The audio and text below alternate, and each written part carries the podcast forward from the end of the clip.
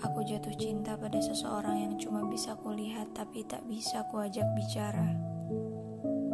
Aku jatuh cinta pada seseorang yang cuma bisa kubuatkan cerita tapi tak bisa kuajak membuat cerita bersama. Aku jatuh cinta pada seseorang yang cuma bisa ku dengar suara tawanya tapi tak bisa menjadi alasannya tertawa.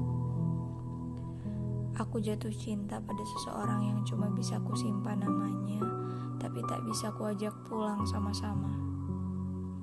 Tapi malam itu, aku mendengar tawanya, tepat di depanku, berdua saja.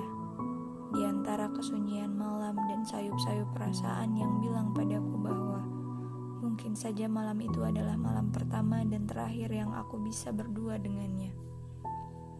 Dan ketika ia pulang, aku menyadari satu hal bahwa aku telah jatuh cinta pada seseorang yang pernah mengajakku bicara, dan itu sudah sempurna. thank you